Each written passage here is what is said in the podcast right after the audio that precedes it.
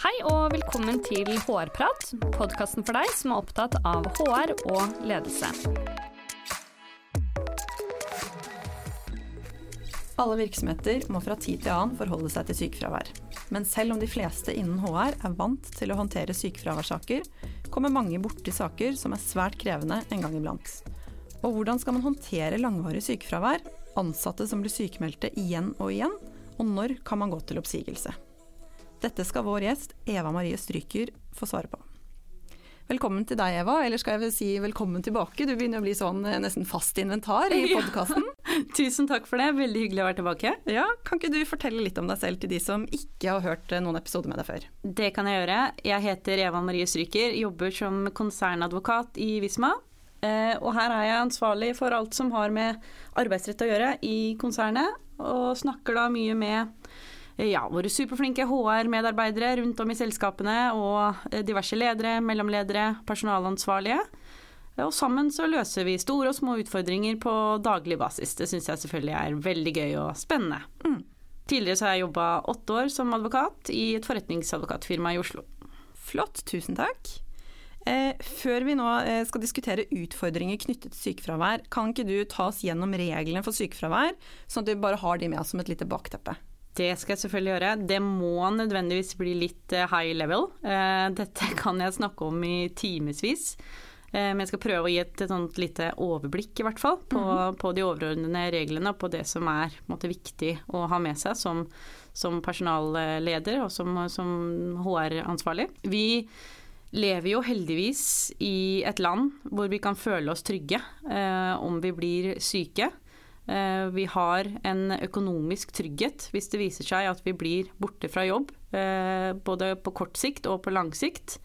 Eh, så det skal vi være veldig glad for at vi har. Vi har et sikkerhetsnett gjennom arbeidsmiljøloven og folketrygdloven som gjør at vi har en økonomisk sikkerhet, og den sikkerheten har må vi huske på at har ikke kommet av seg selv. Den er også under stadig politisk press, mm. Med forslag bl.a. om karensdager, som vil si at du eh, hvis det blir innført karensdager, så vil du måtte gå noen dager eh, før du får sykepenger. Altså du, må, du, du mister lønna di de dagene du er syk. Eh, og det kommer opp fra tid til annen, det. Uh, så, så, vi skal være bevisste på de, de gode reglene vi har, og, og være opptatt av å, å, få videreført dem. Eh, I hvert fall jeg er opptatt av.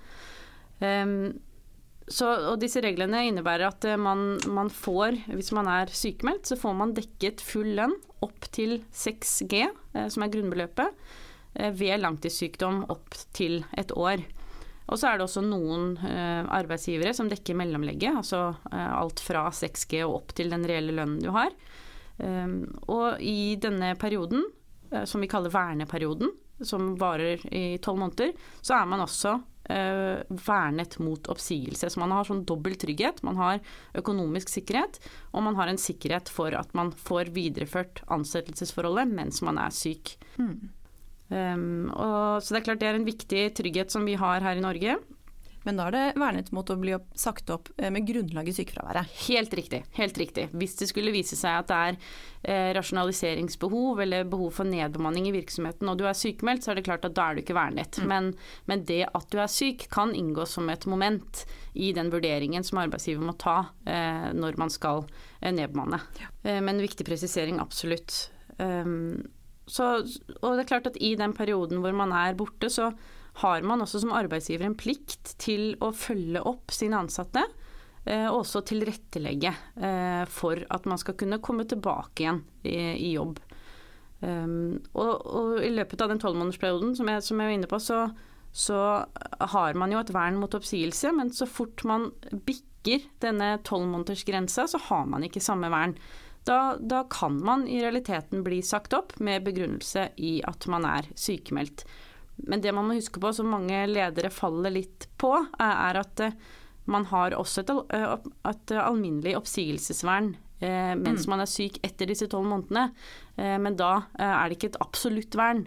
Sånn at da må man se på om man har saklig grunnlag for å si opp vedkommende begrunnet i sykdom, og da følger man de alminnelige oppsigelsesreglene, ja. altså paragraf 15-7. Mm. Så, så, da må man jo vurdere, eh, som arbeidsgiver og som leder, hvis man er fortsatt syk etter tolv måneder, skal man si opp vedkommende? Eh, hva er, det altså, hva er det som skal til for at man skal kunne si opp den ansatte? Og det er klart at Der har tilretteleggingsplikten veldig stor betydning. Um, og Det er jo gjerne tre hovedspørsmål da, som må besvares. Det, hvor det ene er har arbeidsgiver oppfylt tilretteleggingsplikten, som skal komme litt nærmere inn på etterpå hva, hva den innebærer. Uh, det er det ene. Det andre er er det utsikter til at arbeidstaker skal få komme tilbake i arbeid innen rimelig tid. Mm, veldig fin og utydelig formulering. Ja, det er det, dessverre. Eh, og det siste er en sånn helhetsvurdering som vi advokater er så opptatt av. En konkret helhetsvurdering om det er rimelig og naturlig å avslutte ansettelsesforholdet. Ja. Så det er klart det er vanskelige, vanskelige, vurderinger, men det er vurderinger som man må ta, da. Mm. Og eh, Det er jo omfattende, kan jeg vel si, dette regelverket. Eh, men samtidig, det fremstår ganske ryddig og egentlig ganske enkelt på papiret. Men hvorfor blir det så vanskelig i praksis? Ja, det er jo fordi at altså det, Min erfaring er at veldig mange arbeidsgivere forstår ikke helt rekkevidden av tilretteleggingsplikten. Um, og, det, og, det, er ikke så rart, egentlig, fordi tilretteleggingsplikten, de pliktene som arbeidsgiver har, er vanskelige. Mm. Uh, og den er ikke bare vanskelig, men den er også relativ. Uh, avhengig av uh, ulike faktorer i virksomheten, sånn som f.eks. størrelsen på virksomheten, virksomhetens økonomi, om disse tilretteleggingstiltakene f.eks. går utover andre ansatte. Om sykdommen til den ansatte er arbeidsrelatert eller ikke. Man skal også vurdere arbeidstakers alder og ansiennitet og mulighet for å få seg annen jobb eh, et annet sted. Varigheten av tiltaket osv. Så, videre. så, mm. så, så Tilretteleggingsplikten er vi, eh, og den er eh, litt vanskelig tilgjengelig kanskje. Eh, og den avhenger veldig av hva slags virksomhet du har. Det er klart at tilretteleggingsplikten er større og favner videre om man har en stor virksomhet med mange ansatte og god økonomi og mange stillingskategorier og på en måte stort handlingsrom for hva man kan tilrettelegge for, mm. versus andre mindre selskaper med, med mindre handlingsrom. da. Så, men, men, utgangspunktet er klart. Arbeidsgiver skal iverksette nødvendige tiltak for at arbeidstaker skal kunne få beholde eller få et passende arbeid. Det er vel ordrett, tror jeg, det som står i arbeidsmiljøloven paragraf 4-6 om, om tilretteleggingsplikten. Mm. Um, og den, den, bestemmelsen gir kanskje for noen flere spørsmål enn svar. For hva er egentlig nødvendige tiltak? Eh, hva menes med å kunne beholde stillingen? Eh, og hvis man ikke kan få beholde stillingen, hva menes da med passende arbeid? Mm. Det vi vet, er at, og som fremgår av forarbeidene, er at man, det er ikke noe krav om fra arbeidsgivers side at man skal opprette en ny stilling. og, det kjenner vi igjen også fra nedbemanningstilfellene. At hvis man altså man skal tilrettelegge for at man skal kunne få beholde eller få annen type arbeid. Men hvis man ikke har en annen stilling i virksomheten, så har man ikke en forpliktelse som arbeidsgiver til å opprette Nei. en ny stilling for at vedkommende skal kunne komme tilbake. Uh, og det er samme, Sånn er det jo også i, i nedbemanningstilfellene. Riktig. Og så har vi vel kanskje noe rettspraksis som gir noen også gode rettesnorer på ja, uh, Eh, på, på, hvordan man kan eller bør håndtere disse sakene? Ja, det har vi absolutt. Eh, det er mye rettspraksis på sykefravær, eh, på oppsigelse begrunnet i sykdom. Og på spesielt dette med tilretteleggingsplikten. Så her har vi god del veiledning både fra Høyesterett, men mest kanskje fra lagmannsrettene. Mm. Um, og jeg kan jo nevne, siden vi er inne på det, en, en, hva skal jeg si, en hot sak som nettopp ble prosedert for eh, Høyesterett, den såkalte Widerøe-saken. Den er det kanskje ganske mange som ikke kjenner, eller noen spesielt interesserte, deg selv inkludert, eh, har ja. kanskje god oversikt, mens eh, mange lyttere er kanskje litt sånn spente nå på hva er dette for noe? Ja, jeg syns vi skal spandere litt tid på den. Ja. Her, Den ble prosedert i januar. Og vi venter jo dom der i løpet av kort tid, i disse dager. Jeg mm. tror det var, var noen utsettelser i januar, men den skal komme snart, den avgjørelsen. Og det er klart at den eh, saken vil få betydning for flere av de momentene som, som jeg nevnte. Eh, og jeg skal ikke forskuttere resultatet der, eh, men, eh, men at den vil få betydning for tilretteleggingsplikten og dens rekkevidde, det tror jeg i hvert fall. Mm. Eh, dette her dreide seg om en ansatt, en instruktør, i Widerøe, som senere ble en sånn multimediaprodusent. Han var ansatt i 2001. Og i løpet av en tiårsperiode fra tror det var 2009 til 2019 så var han mye sykemeldt. Fra 2012 til 2014 så var han 100% sykemeldt. Det samme gjaldt fra 2016 til 2018, så det var mye fravær over en lengre periode. Mm. Så hadde han en gradvis opptrapping til en 50% stilling. Så ble det klart at det var vel i 2018-2019 så ble det klart at han varig ikke kunne klare å fylle mer enn en 50% stilling.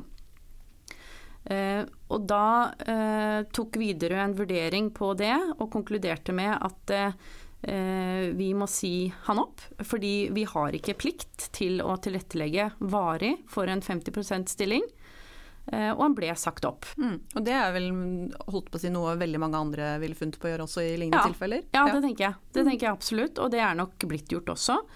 Um, og fordi det arbeidsgiver argumenterte for, var at uh, det ved at han varig skal tiltre en stilling på 50% innebærer i prinsippet en opprettelse av en ny stilling, og ikke en videreføring av den stillingen som han allerede har. Mm. Og som jeg var inne på i stad, så er det jo ikke noe krav om å opprette en ny stilling. Mm. Um, det er forarbeidene ganske klare på. Um, og, og, arbeidsgiver argumenterte også for at ved at, vi skal, uh, ved at vi oppretter en sånn type stilling, varig 50% stilling, så griper man inn i en etablert stillingsstruktur hos Widerøe. fordi i Widerøe så hadde man ikke 50 stillinger. Uh, de praktiserte bare 100 stillinger. Mm. Arbeidstaker var jo selvfølgelig uh, ikke overraskende uenig i det, og mente at men det er ikke snakk om noen ny stilling her. Dette er en videreføring av min eksisterende stilling, men på et redusert stillingsprosent. Da. Mm. Og så kan vi tenke ok, men er ikke dette egentlig bare spill med ord? Um, men det er egentlig ikke det. Fordi uh, et, krav, altså et, krav, om varig redusert stilling, uh, om det um, er en ny stilling eller ikke, det er, blir helt avgjørende. Mm.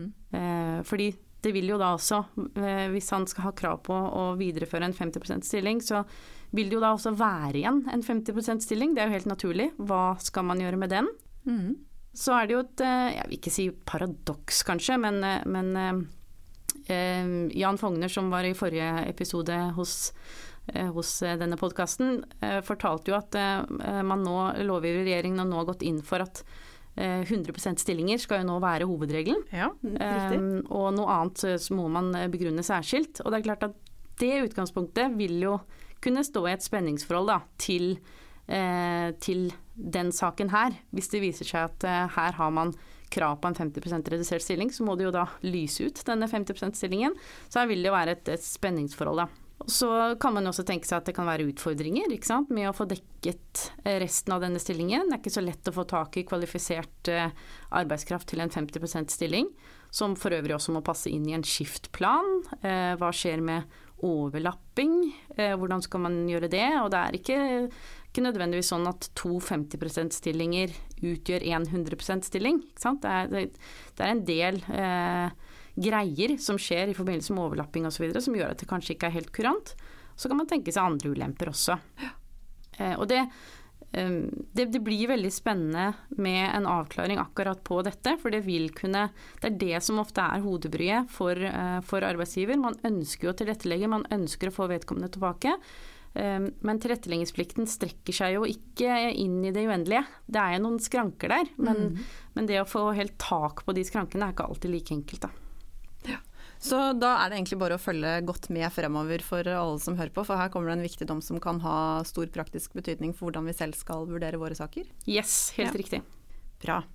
Eh, men hvis vi skal se på en utfordring som mange kommer borti fra tid til annen, så er det langtidsfravær, litt som vi allerede er inne på. Ehm, og hvordan skal man forholde seg til sykefravær når det er langvarig, og kanskje særlig når vi begynner å nærme oss utløpet av verneperioden. Du har jo sagt litt om tilrettelegging og de tingene som er viktige, men eh, kan ikke du ta oss litt gjennom hva som ja, vi bør tenke på kanskje litt før vi når den tolvmånedersgrensen? Hmm. Det gjør jeg gjerne. Min erfaring er at mange ledere er redd for å være til bry og redd for å ta kontakt med ansatte som er sykemeldte. Og det syns jeg er veldig dumt. Eh, ikke bare er det dumt, men det er også feil. Eh, fordi at som arbeidsgiver så har man en oppfølgingsplikt når eh, arbeidstakerne er syke. Og det ser vi jo bl.a. Altså gjennom arbeidsmiljøloven og folketrygdloven, som, som, gir, eller som, som, utleder krav til å avholde dialogmøter. Og det er mm. min erfaring at arbeidsgivere er veldig flinke til. Man overholder de fristene, man har de nødvendige dialogmøtene med Nav osv. Men, men det er ikke nok. Altså man har en omsorgsplikt som arbeidsgiver også utover det. Så mitt klare råd er at man skal ikke være så redd for å, å opprettholde en dialog med ansatte som er sykemeldte. Ja, for Det vil jo ofte også kunne være til god hjelp. Altså Hvis man er borte i månedsvis, så øker kanskje den terskelen for å komme tilbake eh, i arbeid hvis man eh, bare truffet hverandre på et dialogmøte. Nettopp. Eh, nettopp. Og det er ekstremt krevende å komme tilbake som ansatt hvis du har langtids, hatt et langtidsfravær på seks måneder eller tolv måneder Eh, og da skulle komme tilbake til arbeidsplassen sin uten å ha hatt en god dialog med, med, sin leder, det er utrolig vanskelig. Og det er klart at da kan man havne i en litt sånn negativ spiral ved at, det, ved at man kanskje ikke, ikke, kommer tilbake til jobb da. At man mm. syns den terskelen er for høy. Eh, og så, så, forstår jeg arbeidsgiver eh, gjør dette i beste mening ofte. At man tenker at man skal ikke være til bry, og man skal la den syke få være syk i fred. Og i enkelte tilfeller så, så, er jo det riktig også. Det er jo ikke alle tilfeller hvor man som ansatt er i stand til å ha en dialog med, med arbeidsgiver, men jeg tenker jo særlig nå i disse tider post korona, eh, hvor det har blitt helt alminnelig å ha eh, digitale møter, så er det også mye lettere, eh, og terskelen for å få til en dialog med en sykemeldt ansatt er, er mye lavere nå, da. Mm. Og det er klart at det det å ha en sånn dialog gjør jo tilretteleggingsplikten også lettere for arbeidsgiver når man snakker sammen. Eh, for det er ikke så lett å vite hvordan man skal kunne tilrettelegge for en ansatt når man ikke får noe input på hva som er utfordringene hos den ansatte. Eh, og det utfordrer jo også medvirkningsplikten som den ansatte har. For man har som sykemeldt ansatt en medvirkningsplikt til å bidra til å komme tilbake i arbeid. Ehm, så, så, så, så, ved at man har en tilrettelegging og ved at man har en god dialog, så utfordrer man også den ansatte og kan spørre den ansatte hva, hva, kan, du, hva kan du gjøre selv? Eh, hva slags tiltak kan du gjøre selv for å komme tilbake, eller hva slags tiltak vil du at jeg som arbeidsgiver skal iverksette for at du skal komme tilbake fortere mm. i jobb? Så det er, det er bare vinn-vinn eh, ved, ved, å ha den dialogen, ha den løpende dialogen. Så må man se an hyppigheten osv. Men men uh, hovedsiktemålet er jo for begge parter i de aller, aller fleste sakene å få den ansatte tilbake i arbeid, og det er jo i begges interesse mm. at man kommer tilbake i arbeid. Absolutt. Og så er det også en annen ting at hvis, hvis, det viser seg at man som ansatt ikke er frisk etter at verneperioden er over, så er det selvfølgelig også lettere for arbeidsgiver å kunne se på muligheten for oppsigelse. For da har man jo fått input hele veien på hva som er utfordringene. Man har ikke nødvendigvis fått noe diagnose, det har man ikke krav på heller, men det er ikke så relevant heller. Eh, men ved å ha fulgt den ansatte opp igjennom under sykefraværet, så er det lettere å kunne vurdere fremover om man skal da si opp den ansatte begrunnet i sykefraværet. Ja. Og hvis man faktisk ønsker å vurdere å gå til oppsigelse, hvilke kriterier er det som da bør være oppfylt for at man skal kunne gjøre det eh, med trygghet, eh, og ikke brenne seg litt på det kanskje som videre nå? Ja, eh, da må man jo for det første prøve å se på prognosene til den sykemeldte.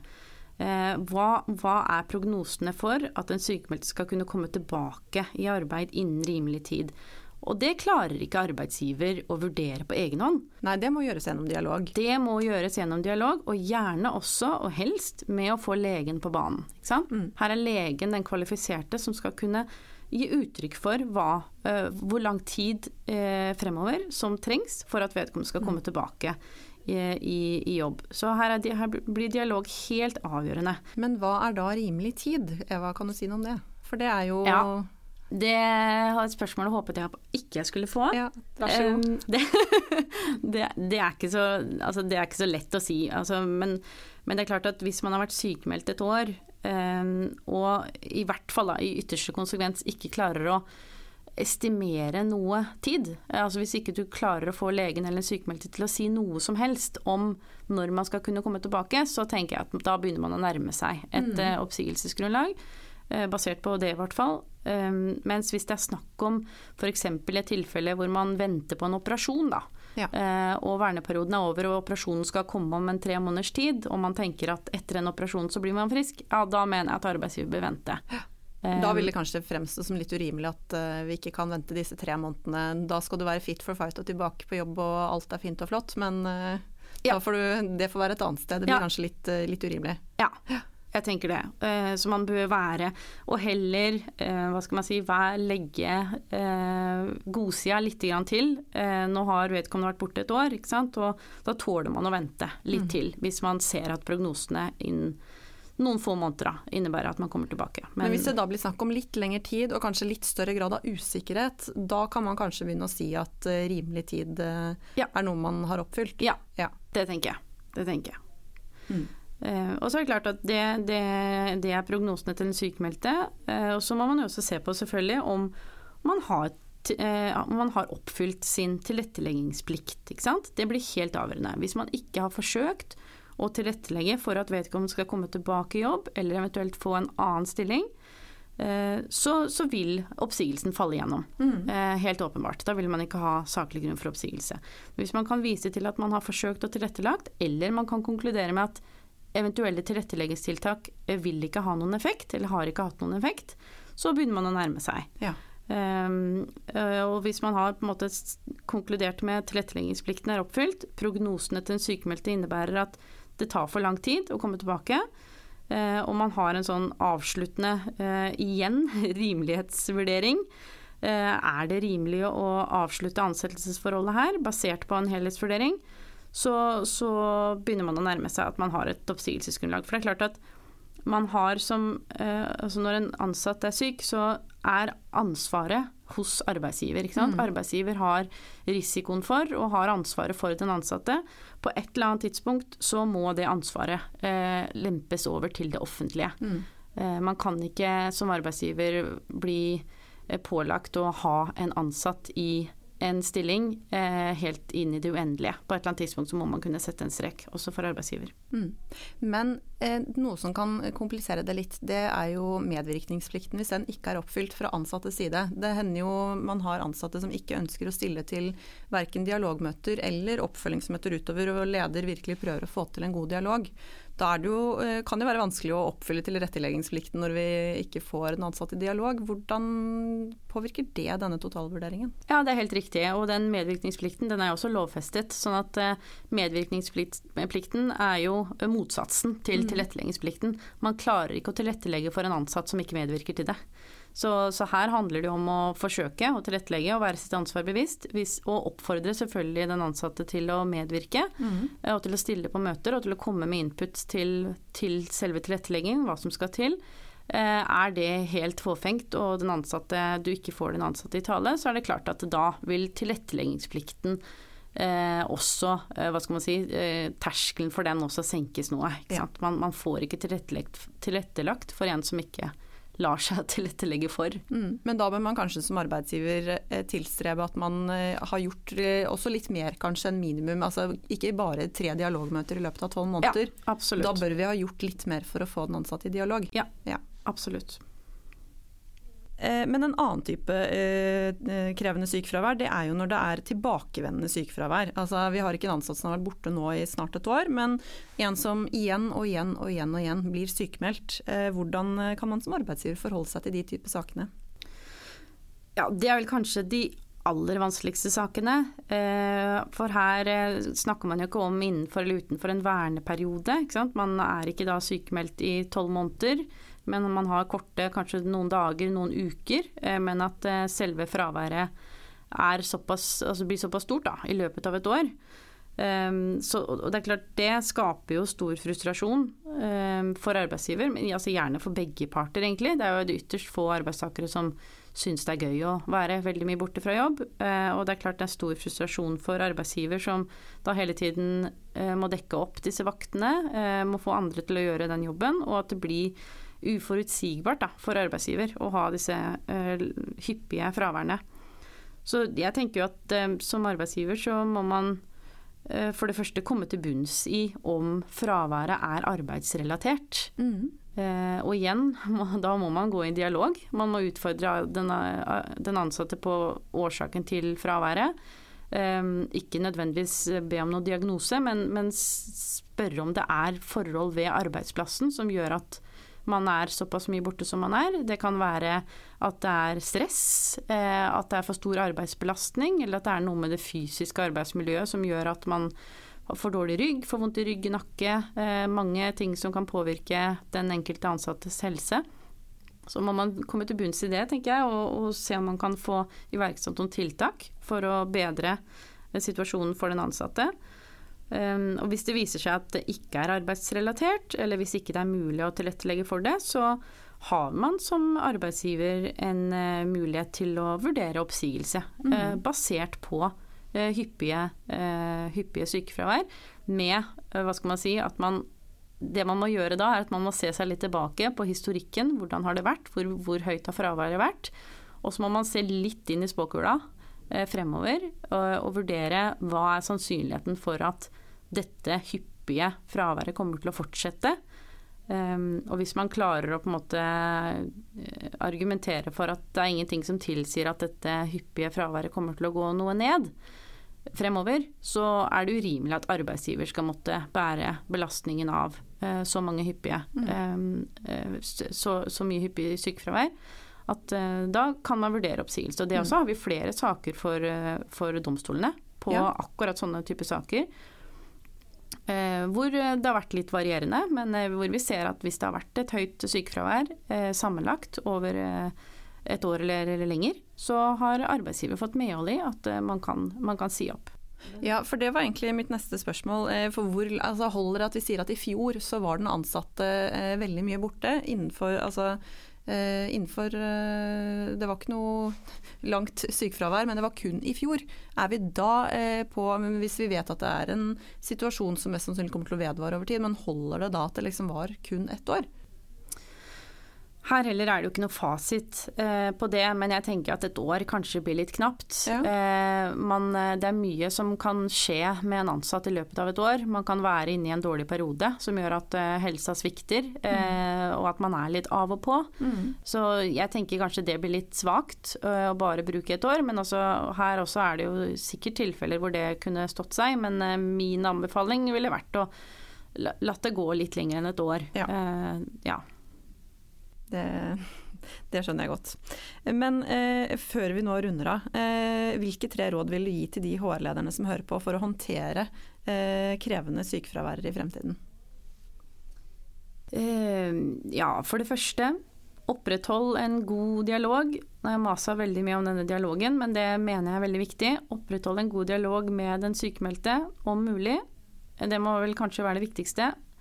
Og så eh, Tenk kreativt med tanke på tilrettelegging for å få vedkommende tilbake. Prøv å altså Vær reglene bevisst, og prøv å tenke litt ut av boksen. Er det noe jeg som leder eller som arbeidsgiver kan gjøre? Er det noe vi, eh, vi som virksomhet kan gjøre for å få vedkommende tilbake i jobb? Så er det egentlig kun kreativiteten som setter grenser. Eh, så fremt eh, man på en måte får den ansatte med seg, og dette er liksom innenfor det den ansatte kan, kan, eh, kan arbeide med. Så, så, vær kreativ og, og, og um, se løsninger istedenfor problemer mm. når det kommer til å få den ansatte tilbake i jobb.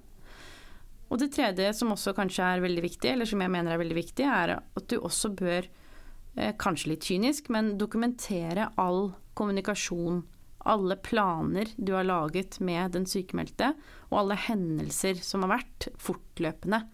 Eh, sånn at man har noe konkret eh, og dokumenterbart om man skulle på et senere tidspunkt vurdere å gå til oppsigelse mm. etter verneperioden. For det er veldig vanskelig som leder å sitte etter et år eh, og tenke ok, hvordan har dialogen vært, hva har vi snakket om, hva har vært prøvd ut av tilretteleggingstiltak som ikke har fungert, det er nærmest en umulig øvelse. Mm. Så du må ta, ta, den jobben litt sånn seriøst og notere underveis.